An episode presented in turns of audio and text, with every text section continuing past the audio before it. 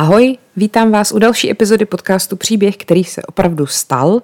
Děkuji vám všem za zprávy, za pochvaly, za tipy na příběhy, to si všechno píšu a časem se k tomu dostanu, slibuju. Taky děkuji všem, co si předplácí bonusy, přibývá vás, děláme to velkou radost, snažím se fakt je mít jako pěkný ty bonusy, tak doufám, že se mi to daří. No a rozhodla jsem se ještě zůstat u, řekněme, sportovní tématiky, protože olympiáda stále pokračuje. A tentokrát se mu napaškal doping. A konkrétně teda v této epizodě státem řízený doping, eh, což se dělo během jako komunistické vlády. A nebylo to vůbec hezký teda. Kdybyste k tomuhle tématu chtěli, hm, řekněme, nějaký třeba film, tak eh, doporučuji Fairplay, což je, já nevím kolik, pět let starý film, asi český, výborný, což se o spoustě českých filmů říci nedá, takže tam je to pěkně jako uh, názorně ukázaný, jak to přesně fungovalo. No a když to teda vemu trošku obecně, tak um, samozřejmě, že to, že komunisti byli u moci, neznamenalo jenom, že chtěli mít jako vládu nad různými odvětvími hospodářství a nad lidma, nad jejich každodenním životem, ale právě i nad tím sportem a nad školstvím, protože si uvědomovali, že tam jako vzniká ta budoucí generace a oni prostě chtěli tu budoucí generaci samozřejmě vychovávat co nejvíc podle těch svých představ a toho svého komunistického ideálu. Takže ty sportovci byli pod velkým nátlakem toho režimu a často právě byli nucený brát různý anabolický steroidy a pak se jim spoustě z nich pozastavila činnost u dopingových zkoušek. Neměli svobodu volby, nemohli si vybrat, kam ta jejich kariéra bude směřovat. Zároveň samozřejmě Československo nesmělo porazit sovětský svaz, jo, to zase jako odsaď pocať. A pak ty spoustě těmto zemským sportovcům nebylo umožněný uh, zúčastnit se letních olympijských her v Los Angeles v 84., což pro mnoho jí byl tehdy měl být vrchol kariéry. Taky nemohli přistoupit do jiného týmu, že jo. A taky se samozřejmě tady uh, ty, ten režim se bál, když se ty sportovci třeba vrátí z nějakých závodů nebo olympiády, že budou vyprávět o tom, jaký je to na západě. Jakože hej, ty já jsem prostě byl v Americe a tam tě třeba jako nezastřelí, když si necháš narůst dlouhý vlasy a podobně. Taky se samozřejmě báli, že tam budou zůstávat, že prchnou do exilu.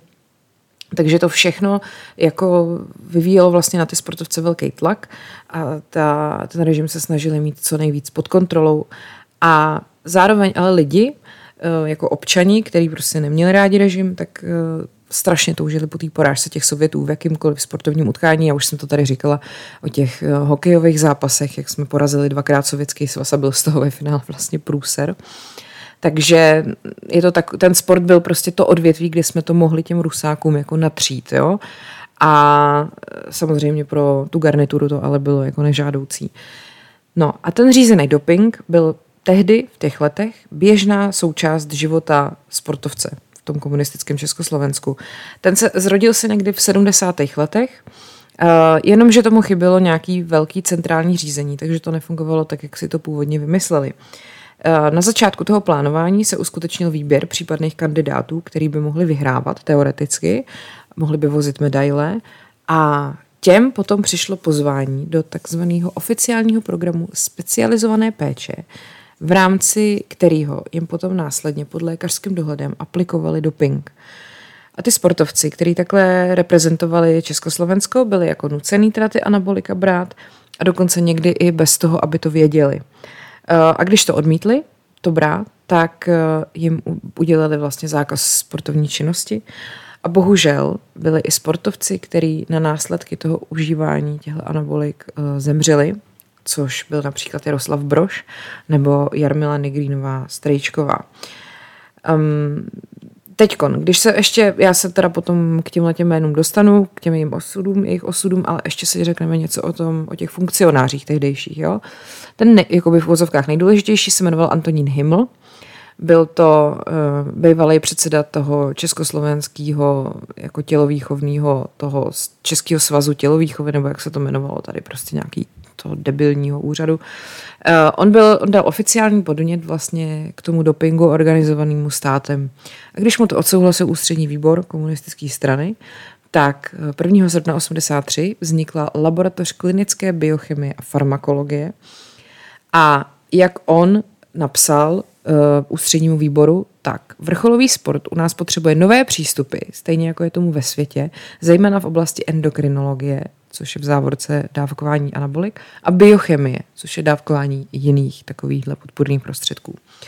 Pak tam byl Pavel Stejskal, to byl bývalý šéf Ústavu národního zdraví. Ten, ten Ústav národního zdraví vlastně byl jako takový hlavní dealer toho dopingu pro ty český sportovce.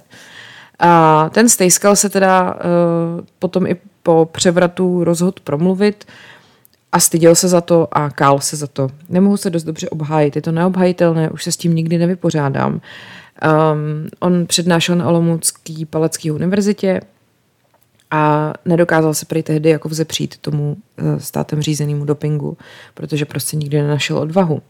Pak tu máme Petra Krejčího, to byl by, mm, lékař eh, lyžařek československých, muž, který měl na starosti zdraví českých fotbalových reprezentantů za minulého režimu, lékař reprezentantek v lyžování, které systematicky dopovali. Dnes obraní zakázaných látek mluví jako o prasečině.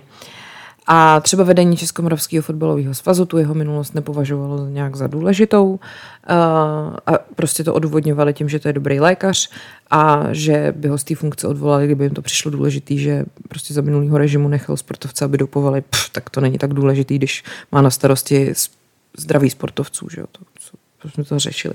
No, pak je tady František Foyt, ex-šéf Komise pro vrcholovou atletiku. A ten, když eh, to viděl, ty důkazy, který mu předložila vlastně Mladá fronta dnes, která to celý jako vypátrala, tady tenhle ten, ty záznamy o tom státem řízeném dopingu, tak eh, tenhle ten pán k tomu řekl, to, že to tady máte napsané, nepovažuji za důkaz. Eh, byl to trend po celém světě, zřejmě to přišlo z Ameriky. Samozřejmě všechno špatný vždycky přišlo z Ameriky tehdy. Eh, a pak teda ale řekl, že když se objevily dokumenty, nebudu zapírat. Doping dodával vzpírání dravost. Jo? Zajímavý vlastně, když eh, tyhle ty všichni lidi se k tomu dneska jako vyjadřují, tak nějak nikdo nemá potřebu je za to jako trestat nebo stíhat nebo nějaké jako nevím, cokoliv, jako postavit k nějaký odpovědnosti. No a teď se teda pojďme vrátit eh, k těm, k těm osudům těch sportovců, který na to opravdu jako dojeli, myslím, jako fatálně. Tak první z nich je Hanna Trejbalová.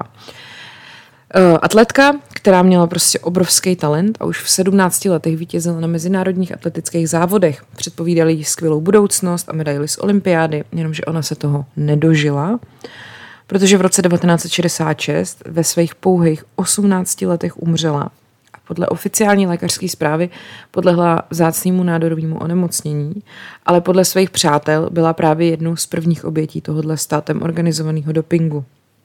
Eh, její kamarádka uh, Julie Luhanová, která byla jako tehdejší i kolegyně z toho atletického oddílu, na to vzpomínala v uh, pořadu reportéři ČT. Když jsme spolu trénovali, Hanka najednou prudce výkonnostně vylétla a já jsem se zamýšlela nad tím, proč šla tak rychle nahoru, na rozdíl od nás ostatních. Nejdříve uvěřila oficiálnímu vysvětlení lékařů, ale po roce 72 začala pochybovat.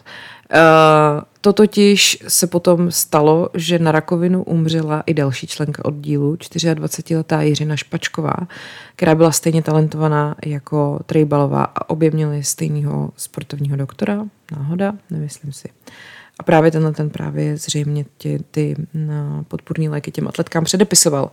Chodili jsme všichni k panu doktoru Bradnovi. Mně osobně třeba naordinovala léky kvůli tomu, že mám slabé kosti.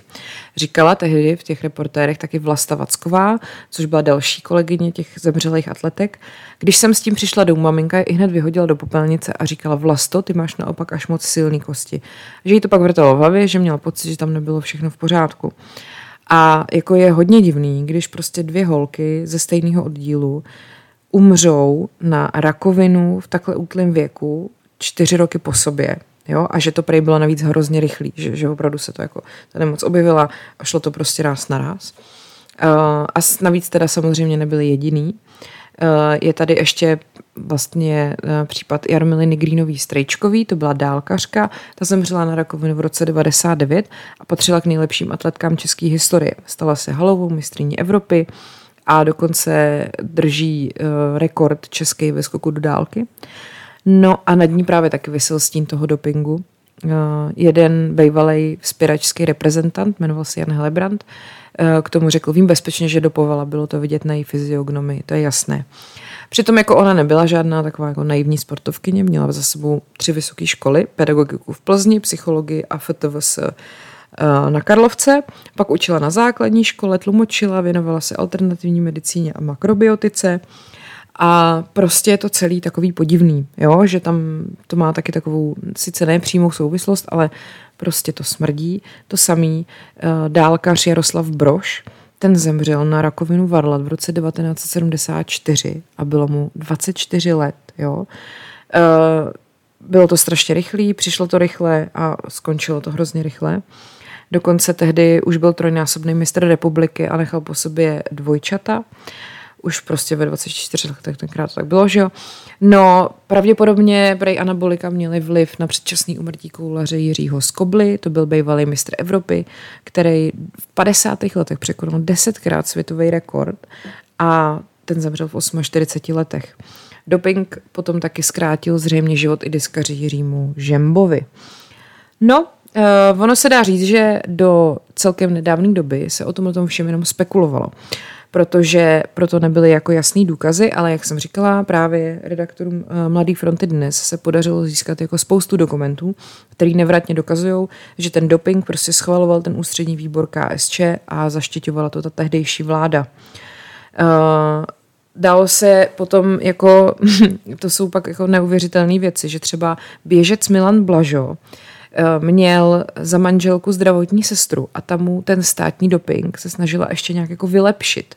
Takže eh, to pak způsobilo, že jemu by na to přišli v těch antidopingových testech, protože ten doping od toho státu byl jako přesně nadávkovaný a bylo to udělané tak, aby se to nedalo odhalit, protože Oni vždycky, eh, ty sportovci, než někam odjeli, ty reprezentanti, tak šli do pražské antidopingové laboratoře a ta nadělala tisíce tajných testů a kdo vždycky před tím odjezdem ustal s tím dopingem včas, tak ten prošel. Kdo měl pozitivní nález, tak toho prostě nikam nepustili. A jen zřídka se jako stalo, že by vycestoval i sportovec, který ho by pak načapali, řekněme, i na tom místě konání toho závodu. A ten sportovec se musel prostě okamžitě vracet domů. A ten doping ordinoval jen přísně vybraný lékaři a uh, třeba tady Milan Jirásek, což je šéf Českého olympijského výboru, uh, ten do toho nikdy jako prej nebyl zapletený. Byl lékař lyžařských juniorů na mistrovství světa v Aziagu a prej jenom v, v roce 87 a prej jenom zíral, co se děje. Na poslední chvíli před odjezdem znovu odevzdávali všichni účastníci týmu vzorky moči. To mě bylo divné.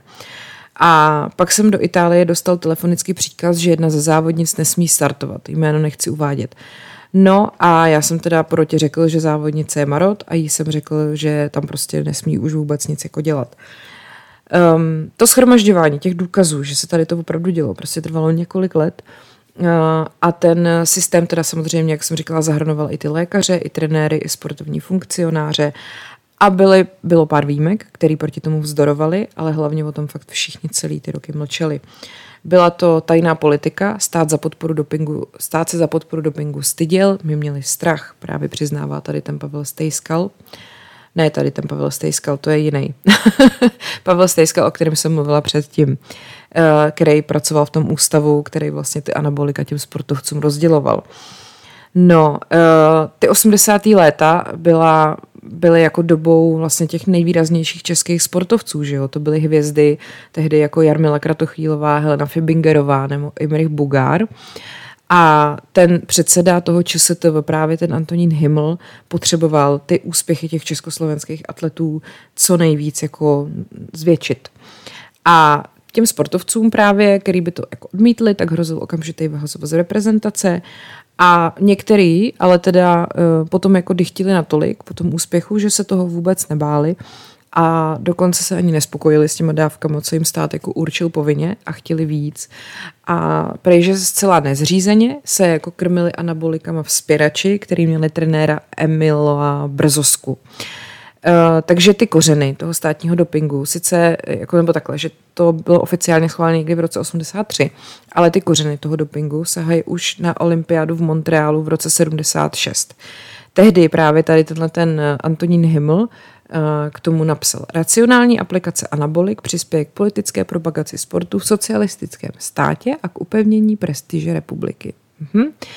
A takže potom v roce 82 se v nějakém dalším sdělení prostě nějakýho, nevím čeho píše. Spolupráce s trenéry je na velmi dobré úrovni. Daj bych Brich, Foyt, Kváč. Jo, což jsou trenéři těch největších atletických jmén, jako Jarmily Kratochvílový právě, Heleny Fibingerový a tak. A e, třeba Miloš Dajbych právě předseda Komise vrcholové atletiky, který teda tehdy byl předseda Komise vrcholové atletiky, při finále Evropského poharu 85 v Moskvě zjistili dopingový nález u Zdeňky Šilhavý, což byla světová rekordmanka eh, v disku a pak taky eh, v krvi vynikajícího kolauře, kou, kolauře, koulaře Remigia Machury a oba je diskvalifikovali. No a to teda velmi tady tohohle toho pana Dajbycha jako rozhořčilo, protože přece jsme tady měli ten systém těch přísných tajných domácích kontrol, a pak se ta vyšetřovací komise usnesla na tom, že hold ty funkcionáři nebyli tak důslední. No a ten pan Dajbych to strašně odmítá, že to určitě za to všechno můžou nedokonalý přístroje, ty pražské antidopingové laboratoře.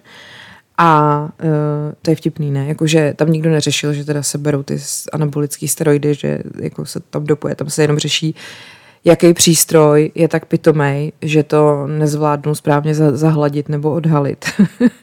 Takže dá, dá se říct, že za spoustu těch sportovních výkonů prostě takový ty legendární jako uh, rekordy v 80. letech fakt může doping. No a teď to vemu teda jedno po druhém, jo, Imrich Bugár. To byla legenda československé atletiky, diskař, uh, který dokonce za ČSSD kandidoval do Senátu, tak uh, měl před mistrovstvím světa v roce 87 pozitivní dopingový nález což teda vyplývá z těch dosud utajovaných dokumentů. A nález metabolity metandiedonu, jo, spíše se v záznamu o tajné dopingové kontrole, kterou teda dělal ten ústav. Jde o zakázaný anabolický steroid, který to, právě tohle byla za socialismu u sportovců oblíbená látka, říká k tomu jeden současný dopingový komisař. A ten Bugár k tomu říká, nechápu to, dodnes jsem přesvědčený, že jsem byl čistý jako slovo boží, když ho jako re, ty redaktoři té Mladé fronty s tím konfrontovali. Uh, a že prostě o žádném dopingu neví a že se to, jako, jestli se to stalo, tak prostě mu to někdo musel nasypat do pití a, a takhle. No, uh, pak tady máme třeba o tu Zarembu, prostě legendárního vzpěrače, olympijského vítěze z Moskvy z roku 1980, který je teďka uh, v invalidním důchodu a vlastně na rozdíl od jiných se o tom dopingu nebojí otevřeně hovořit. V reprezentaci jsme dostávali podpůrné prostředky, tak jsme je brali. Uh, on potom kvůli problémům se zdravím musel s tím vrcholovým sportem skončit v roce 87, pak pracoval jako horník nebo dělal nočního hlídače a je strašně právě naštvaný na toho svého bývalého trenéra Emila Brzosku. Dokonce mu vzkázal, nebo teda řekl mu do telefonu, Emile, já tě zlikviduju. Až po tobě někdo půjde, tak víš, že to jsem já. Jako nechtěli byste, aby pro, um, na vás byl naštvaný, nasraný, prostě bývalý nejlepší vzpěrač světa. Jako. Um, no, tak ten Brzoská právě byl ten trenér, za jehož, řekněme, období se sypalo úplně jako nesmírně. A ten Zaremba k tomu říká, cítím k němu absolutní nenávist. Úplně otevřeně nám říkal, kdo nebude brát, co mu dávám, musí z reprezentace okamžitě pryč. Vzpěrači museli dopovat všichni. A e, ten Brzoska se k tomu prej jako přiznal a právě k tomu řekl, že to prostě tomu spírání dodávalo dravost a necítí odpovědnost za to, že ten Ota Zaremba má úplně zničený zdraví. Neměl to z dopingu, ale známe ho při vzpírání, jasně. Eh, ten Zaremba má dneska nemocný kolena, játra, ledviny a má invalidní důchod. A podobně dopadlo i ostatních devět vzpěračů, který reprezentovali Československo na té moskevské olympiádě a odborníci se těm Zarembovým problémům jako vůbec nediví. Uh, přesně takhle umějí zničit zdraví silné dávky anabolických steroidů, říká k tomu právě šéf antidopingové komise. A uh, Zaremba dokonce přemýšlel pak o tom, když se teda ukázaly tady ty dokumenty, které to všechno potvrzují, že by podniknul právní kroky, aby tam toho Emila Brzosku a ty tehdejší funkcionáře dostal za mříže. No a teď jak uh, říká k tomu, jak to fungovalo. Jo? Jednou na soustředění v Tatrách si nás zavolal a řekl, kdo nebude brát, co mu připravím, ten musí v reprezentaci okamžitě skončit. To se samozřejmě nechtělo nikomu. Zvedl se jen Dalibor Řehák a ještě ten den ho poslali domů. Uh, někdo přišel do šatny a řekl, tohle teď budeš brát třikrát víc a tohle čtyřikrát víc. Z nás, zdá se mi, že to dělal dost chaoticky a dávky byly veliké. Jako chápete to prostě, jak to mohlo jako, no to je prostě strašný. Uh, přesné následky jsme neznali, dost jsme tehdy riskovali, ale kdybychom nebrali, co nám trenér dával, museli bychom opustit národní tým a téhle vysněné mety jsme se nedokázali vzdát. No a jak jsem říkala, že má zničený prostě játra, ledviny, kolena a tak. A e, samozřejmě, že zatím taky z části bude ten sport náročný a ta extrémní fyzická zátěž, ale jak mu i potvrzují odborníci, tak e, prostě to tělo má z části zlikvidovaný i kvůli tomuhle tomu.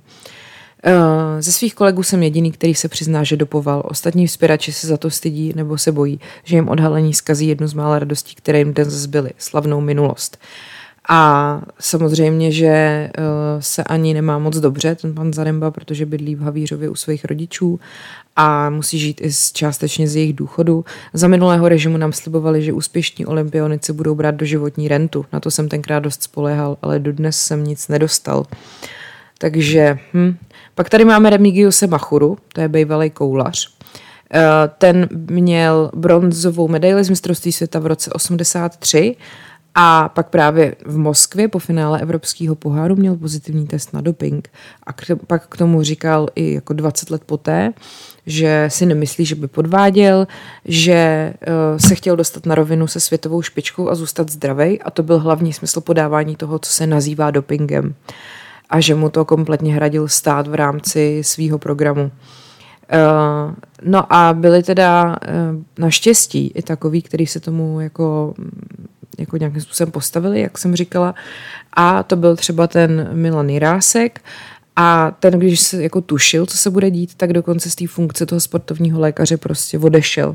Když je něco neetické a zakázané, tak je svinstvo to dělat. A to samozřejmě ten Antonín Himmel, ten největší, mm, ten největší hajzl ze všech prostě, eh, to samozřejmě nechtěl trpět, takže potom v srpnu v nějakém dopise UVKSČ v roce 83 vyzdvihoval lékaři, který, kteří v vozovkách jdou progresivní cestou a e, jsou neustále napadáni, takže žádal legali, aby se jako ta jejich práce zlegalizovala. No a e, když potom e, třeba ten jeden z tehdejší ministr zdravotnictví Jaroslav Prokopec povolil ten státem řízený doping, tak vlastně bývalý člen výboru Mezinárodní federace sportovní medicíny ten Prokopec jako lékař s tím jako nesouhlasil, jako že ministr to schválil, ale jako lékař s tím nesouhlasil a že jednou přiopilej vmetl tomu hymlovi do tváře ti tví hormonální brojleři. No, e, samozřejmě, že ty drogy nemohli distribuovat jako všichni, ale jenom vybraný lékaři, takový ty prověřený, že jo, co jako strana schválila a tak. Takže i spousta lidí v těch sportovních svazech prostě neměla tušení, že se to děje. Uh, strach byl silným hráčem a ten třeba Pavel Stejskal, jeden z těch funkcionářů, který se to jako dozvěděl potom, tak uh, to chtěl oznámit, ale neměl odvahu. Říkal, že jako měl děti a rodinu a bál se, že třeba syna vyhodí ze školy a podobně. No a jak jsem říkala, teda ta Zdeňka Šilhavá i Remigius Machura potom na tom finále Evropského poháru byli diskvalifikovaný a uh, celkově jako, když to tady potom schrnuje, uh, ten Pavel Klapuš, což byl uh, potom místo předseda toho ČSTV, tak ten zakázal v červnu 88 tajný domácí dopingový kontroly a ten k tomu prostě řekl, byl to chemický sport. No a takhle jako to bylo. Uh, Jarmila Kratochvílová, to je držitelka dodnes nepřekonatelného rekordu světového v běhu na 800 metrů z roku 1983. A právě, že největších úspěchů přesně dosáhla v době, kdy se tady tohleto všechno dělo. A její bývalý trenér Miroslav Kváč k tomu říká, že brala jen dovolené prostředky, ale s anabolickým efektem. Uh, ona vlastně furt drží ten jeden neudolatelný rekord. Uh, je to už kolik? Nějakých já nevím počítat, 30, skoro 30 let, 29 let a měl by být chráněný památkovým úřadem, tady říkají. E, vlastně to byl její běh na 800 metrů, který dala za minutu 53 e, a je to vlastně jeden z nejstarších světových rekordů vůbec. Ona byla teda, Jarmila Kratochvílová, jako neuvěřitelná i bez anabolických steroidů. Uh, on jí trénoval těch, ten kváč celých 20 let. A když na začátku pozoroval její běh, tak to jako přirovnával k tomu, že se valí tank. Ona byla děvče z hospodářství, doma skládala metráky brambor, pokusila louku, složila žebřiňák sena, byla taková odolná a hodně jako nepodajná. Takže on u ní prostě jenom rozvíjel tu pohybovou schopnost, což u ní byla síla.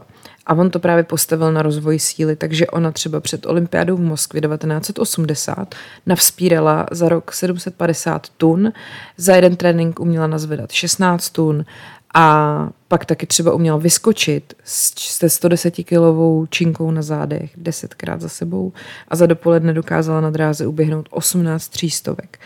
Ona prostě, já nevím, jestli jste se někdy podívali na její fotky, mě to, já když jsem to viděla poprvé, tak mě to úplně vyděsilo. Protože když si vygooglíte Jarmilu Kratochvílovou v době, kdy závodila, tak prostě to je Jarmil Kratochvíl, jako je to chlap, prostě to není ženská, jako není, nemá nic ženského na sobě, rysy, jako ženský, no prsa, prostě nemá nic, jako, jo.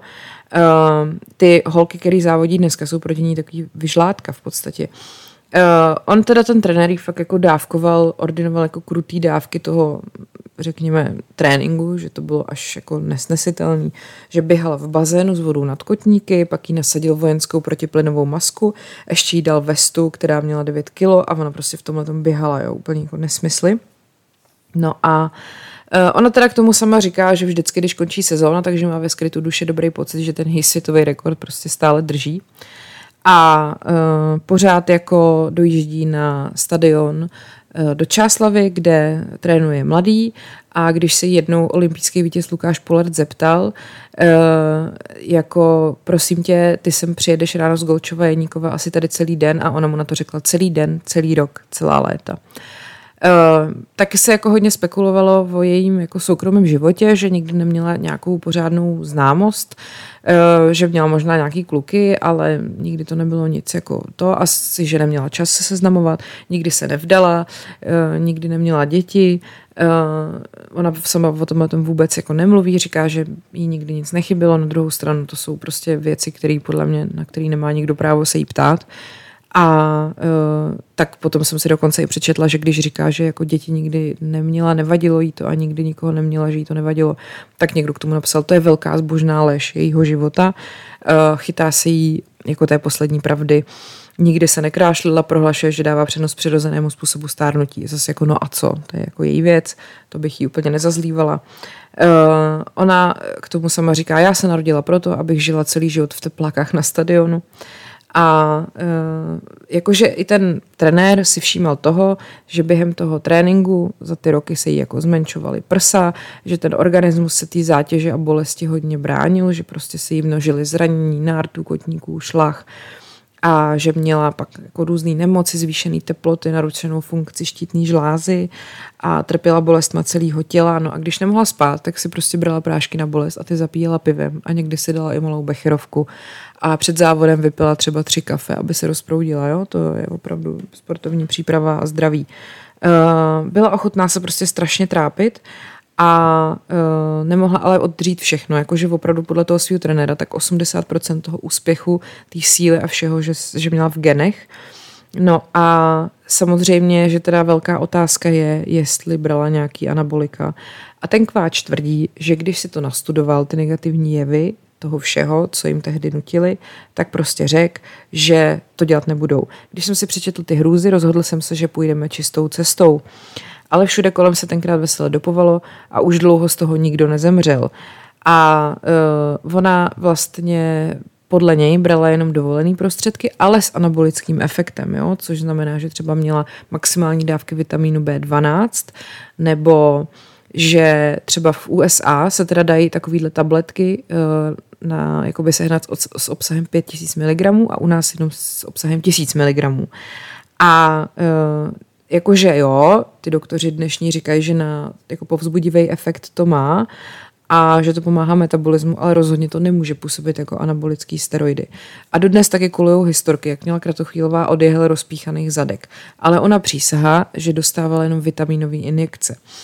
A uh, ty lidi okolo se i divili, že ona snad opravdu věří, že do ní prostě místo anabolik perou jenom vitamin B12. Navíc prostě ty reprezentanti to měli nařízený. Takže skoro není ani možný, že oni by řekli, ne, my to nechceme, i když ten její trenér tvrdí, že to tak bylo.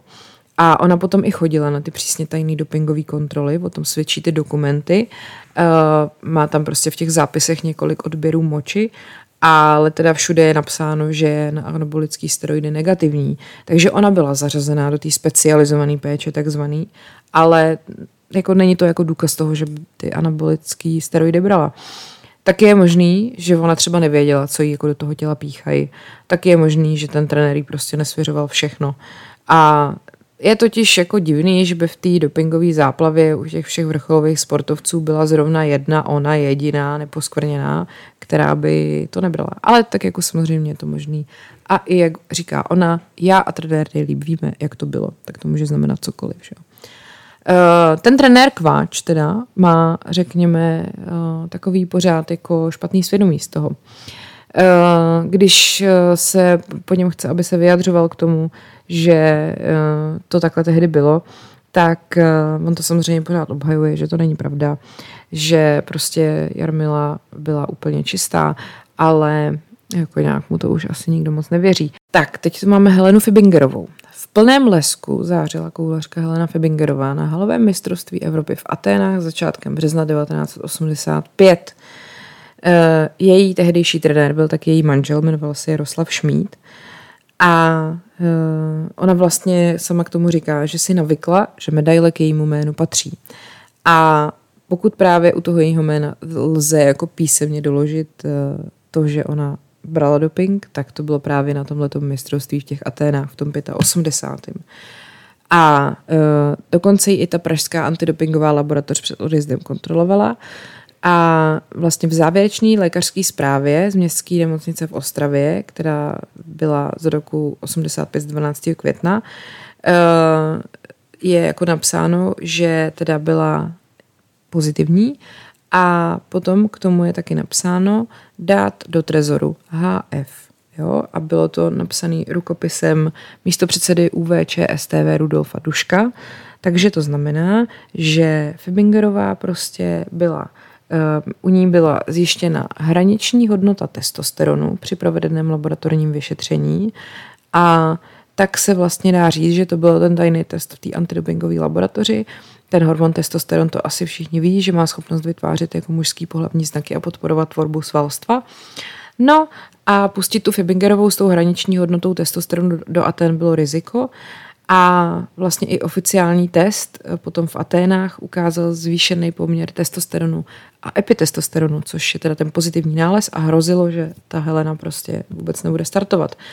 No a potom za dva měsíce po halovém mistrovství v roce 85 22. dubna znovu jako ji teda vyšetřujou a opět je tam výsledek patologická hodnota testosteronu, no a pak jí vlastně zjistili nezhoubný nádor, který byl značně hormonálně aktivní a to byla jakože údajně ta příčina toho, proč uh, ona měla tu hladinu testosteronu na hranici. Takže oni to pak poslali do té Evropské atletické asociace a tím vlastně se došetřilo, že ten údajný doping jako nebyl. Takže eh, že ten testosteron do organismu propašoval ten nezhoubný nádor a nikdo o tom už jako nesměl pochybovat. No a 12. června 85 se potom případ uzavírá dvěma dopisy švédského funkcionáře Arne Ljungqvista kolegům v Evropské atletické asociaci. Uh, souhrně řečeno, případ Heleny Fibingerové není případ dopování a neměl by tedy vést k dalším akcím ze strany EAA a IAAF. Um, ehm, no, takže Tímhle oni to jako nějak asi zahladili a těžko říct, jestli to tak opravdu bylo, anebo to prostě bylo zpětně jako vymyšlená, rychlá, jako rychlej způsob, jak za nějakým způsobem zahladit stopy. A to už se bohužel dneska nedozvíme. Eh, v každém případě dneska už ten doping jako samozřejmě funguje jinak. Ta éra toho socialistického státního dopingu skončila až v červnu 89 kdy teda eh, Československý svaz tělesné výchovy vydává směrnici, která to ukončuje, tady to řízení podávání anabolik. A eh, to potom ale samozřejmě neskončilo v českém sportu, protože třeba tenisový reprezentant Petr Korda byl v roce 98 pozitivně testovaný na jednu zakázanou látku, takže ten doping jako s tím pádem komunismu rozhodně nezmizel, jenom samozřejmě se ta doba změnila, ta forma toho dopingu se změnila. Tehdy jako to organizování toho braní dopingu měl na starosti stát, ale dneska už je to všechno na soukromí bázi. Takže uh, zatímco tehdy prostě to, že vy dostanete včeličku do zadečku, si schvalovali soudruzy někde na, nějaký svým, na nějaký svý schůzi, tak dneska už je to čistě jenom na vás. Uh, já tady ještě potom mám takový podle mě docela děsivý jako rozhovory s těmi lidmi, kteří v tom tehdy figurovali, což je právě třeba ten Emil Brzoska, ten, ten trenér mimo jiné toho Oty Zaremby, Uh, tak tady mu říkají. Z tajných dokumentů, které má, které má list, jakože Mladá fronta dnes k dispozici, vyplývá, že všichni vzpěrači testovaní před mistrovstvím světa v roce 86 měli pozitivní nález. A pán k tomu říká, komu a čemu to ale dnes pomůže. Tehdejší výsledky se už nezmění. V minulosti jste vždy tvrdil, že za výsledky vzpěračů žádná anabolika nejsou. Když se objevily dokumenty, které to vše potvrzují, nebudu přece zapírat. Byl bych sám proti sobě. Taková ostatně byla éra. No a teď jako, proč jste ale dosud mlčel? Už jsem jednou prohlásil, že kdybych chtěl o dopingu napsat, tak to udělám už dávno, protože jsem byl velmi úspěšný trenér. Této republice jsem přinesl 83 medailí a 5 světových rekordů. To nejméně 200 let nikdo nepřekoná. Ty pán si docela věří. Já nevím, jestli mu nedochází, že té republice to nepřines von, ale přinesli to ty sportovci a navíc ještě nadopovaný.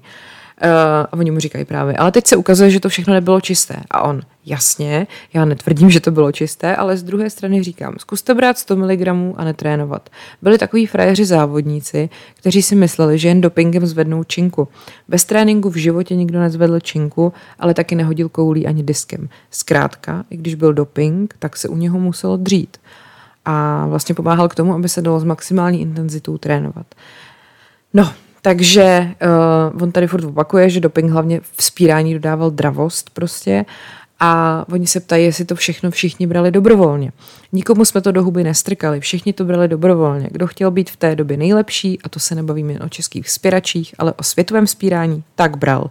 Nikdo nezvedne nad 220 kg bez dopingu, ani dneska. Jo, tak jestli uvidíte na olympiádě, kdy někdo zvedne 220 kg, tak víte, že dopuje. Uh, a samozřejmě tady se ho ještě ptají, jestli si ty sportovci třeba nemysleli, že jsou to vitamíny. Ne, všechno věděli, měli obrovskou chuť vyhrávat. Byli i tací, kteří rovnou řekli, že, kdybych jim, že kdyby jim to pomohlo, tak žerou i kobylince. Jo? Takže takhle to prej údajně bylo tady podle, podle pana Emila. Uh, pak mi přijde docela zajímavý, uh, v roce 86 uh, vlastně bylo soustředění lyžařek běžkyň v Rakousku a závodnice Alžběta Havrančíková nepodepsala soutěž, pardon, soutěž, souhlas se specializovanou lékařskou péčí, což byl ten řízený doping. Takže oni jí normálně vysadili z toho autobusu na hranicích a na to soustředění nepustili. A teď, to vás skutečně vyhnali z autobusu přímo na hranicích? Ano, cestovali jsme na výcvikový tábor na Dachstein a lidé, co se pohybovali kolem ležování, mě stále přesvědčovali, podepiš, podepiš. A já, že ne. Tak mi na hranicích v kaplici řekli, vystup si, nepojedeš. Co jste potom dělala? Přespala jsem v Českých Budějovicích, ráno jela vlakem domů a potom trénovala doma na Slovensku. A pak teda musela jít na kobereček k tomu Himlovi a snažila se mu vysvětlit, eh, že speciální péče eh, jako není prostě to, co ona chce. On jí samozřejmě vysvětloval, že to jsou jenom podpůrné prostředky. Ona to odmítala, že se bála, že je v tom doping. No a samozřejmě, že i bez podpory ta naštěstí měla jedny z nejlepších výsledků při tom funkčním vyšetření. Pak vyhrála univerziádu a ve světovém poháru vždycky byla do desátého místa, takže ji prostě ani nemohli vyhodit, že jo. A e, pak už jí jako k tomu dopingu nikdo moc nenutil a po roce 88 to utichlo úplně. Byla jste také u toho, když vaše kolegyně Januškovou a Klingerovou odvolali z mistrovství světa v Oberstdorfu v roce 87, protože v jejich moči nalezli nandrolon. Co jste o tom tehdy věděla? Skoro nic. Holky přijeli a hned zase odjeli. Nám bylo řečeno, že jsou nemocné. Radši jsem se dál neptala, měla jsem svých problémů dost. Mm, uh, no a teď se jí třeba ptají, jestli jako má nějaký zprávy o tom, že by ten doping nějak poškodil zdraví těch jejich kolegyň a uh, ona říká, že ne, že jako nic takovým neví. A o kterých soupeřkách jste věděla, že dopují? Víte, já porážela lyžařky z NDR, někdy i rusky a porážela se mi čistá. Uh, dopovali, nedopovali, nevím. Možná některé ano. V Lachty v roce 89 to u Finek bylo jisté a pak samozřejmě u Rusky Jegorovové, ale já jsem ráda, že jsem šla svou cestou, kterou jsem si určila a že mám čisté svědomí. Uh, No, uh, já právě o těch uh, zahraničních dopingových skandálech budu mluvit v tom bonusu, který teď budu nahrávat a zrovna o NDR tam toho je dost a je tam jeden neuvěřitelně smutný příběh sportovkyně, ze který je teďka sportovec, jo, takový teaser na bonus. ještě mi teda přijde zajímavý, že ten Český olympijský výbor se nějak k tomu dopingu v těch 80. letech jako nevyjadřuje. Že už je to strašně dávno a že ty lidi nebudeme skandalizovat. Uh, že ta, uh, samozřejmě oni to jako odsoudili a rozhodli se, že zatím udělají prostě tlustou čáru a že už nebudou jako nikoho zpětně trestat a nebudou prostě o nich nějak mluvit a někde je jako linčovat za to, co dělali. Uh, říkají k tomu, že to brali v době, kdy byli přesvědčeni, že dopujou i všichni soupeři venku a vlastně, že chtěli rovný boj. Takže eh, když se podíváte, jak daleko se tehdy házelo koulí nebo běhalo i jinde ve světě, musí vám být jasné, že Češi nebyli jediní. Spíš mi překvapil rozsah, v jakém se podle zveřejněných dokumentů u nás dopovalo. K tomu říká právě eh, ten pan Jirásek, o kterém už jsem tady mluvila. Eh, samozřejmě Jarmila Kratochvílová nikdy nepřiznala, že by dopovala a teď se ho tady ještě ptají, jestli by jako bylo třeba řešení, že by se sportům, ve kterém se jako nejvíc dopuje, uh, odebrala finanční podpora.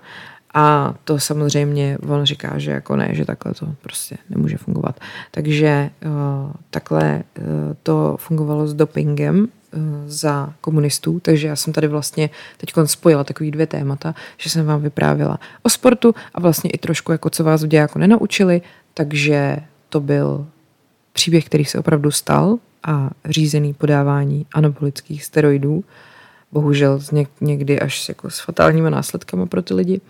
A děkuji vám za pozornost, mějte se hezky a ať je váš život příběh, který se opravdu stal. Ještě jsem vám zapomněla říct, eh, kdybyste chtěli, tak mě můžete sledovat na Instagramu jako paní královnu nebo na podcastovém Instagramu podcast příběhy a nebo jít na herohero.co lomeno podcast příběhy, kde jsou právě bonusové epizody. Každý týden přidávám dvě a platí se za to 4 eura měsíčně, pořád stejně a máte přístup k celému kanálu pořád, jo, furt, furt, furt. Tak jo, to je všechno. Díky, čau.